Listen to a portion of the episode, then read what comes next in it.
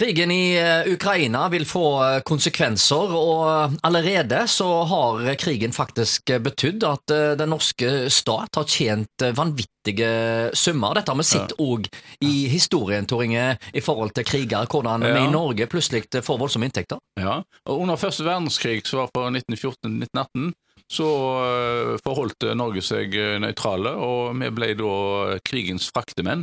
Den gangen så var Norge eh, verdens fjerde største sjøfartsnasjon eh, med hensyn til tonnasje. Vi hadde en veldig stor flåte i forhold til innbyggertallet.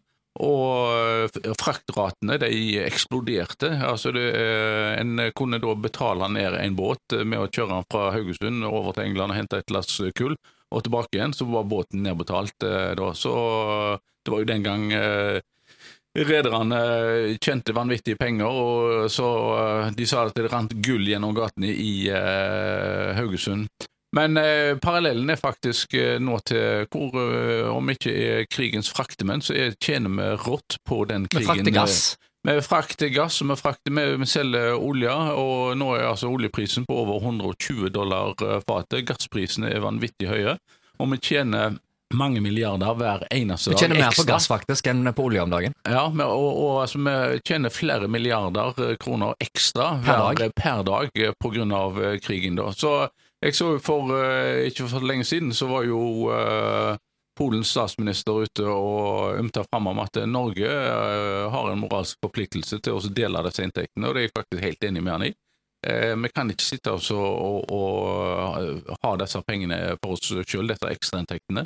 Vi burde sette dem, etter min mening, i et eh, fond som da går til gjenoppbygging Utvikling av, eh, ja, Ukraina. Gjenoppbygging av eh, Ukraina. Det er så store summer. og det, altså, I dag så er vi jo redde for at hvis vi bruker for mye oljepenger, så er det inflasjonsdrivende.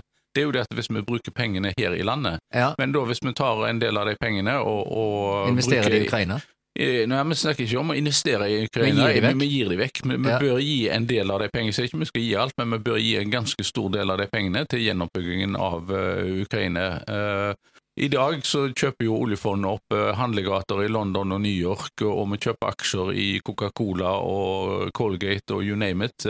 Men det er egentlig vi har en eh, moralsk forpliktelse til å bruke disse her pengene på en eh, måte som kan hjelpe Ukraina etterpå. Da. Ja, så vi, vi kjenner oss altså eh, usannsynlig rike basert på elendigheten og det forferdelige som skjer nede i Ukraina. Det er Ja. jo en moralsk kvale vi nordmenn må ta inn over oss. Ja, absolutt. Så nå har vi jo tapt eh, en del penger på at eh, oljefondet har gått ned i verdi, men eh, likevel det er Jo, men det går jo opp og ned, så det må jo du se på som Ja, langsiktige investeringer. Absolutt. Så, Det går opp igjen, det. Ja da, det gjør det. Så, men eh, nei, så under eh, første verdenskrig så var Norge var de landene som kom best ut av det økonomisk. Vi satt igjen med store pengesummer, mens de som hadde vært med å krige, altså England, Frankrike, hadde jo brukt, eh, og, og Tyskland eh, hadde brukt eh, enorme summer på krig, da, og Tyskland måtte jo betale krigserstatning eh,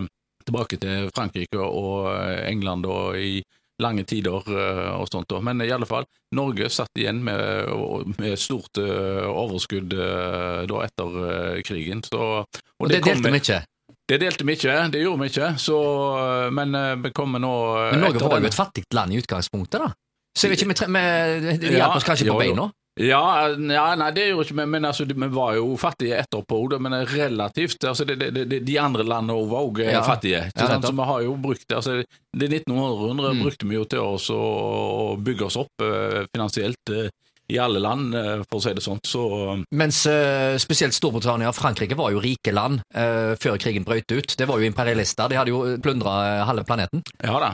Men, eh, de, eh, men når du kommer til andre verdenskrig, så brukte jo eh, Storbritannia opp eh, enorme verdier på eh, da å krigføringen mot uh, Tyskland. Og de tømte jo hele statskassen sin og satt med enorm gjeld til USA når krigen var over. da. Mm. Så eh, er jo, eh, de har jo ikke den velferden eh, altså Storbritannia har slitt med økonomiske problemer eh, grunnet andre verdenskrig gjennom hele etterkrigstida, for å si det sånn. Så Ja, Vi skal snakke mer om krigen i Ukraina, bistandsmidler og annet når Tor Inge Vormedal er med oss igjen her på Radio Haugaland om få minutter.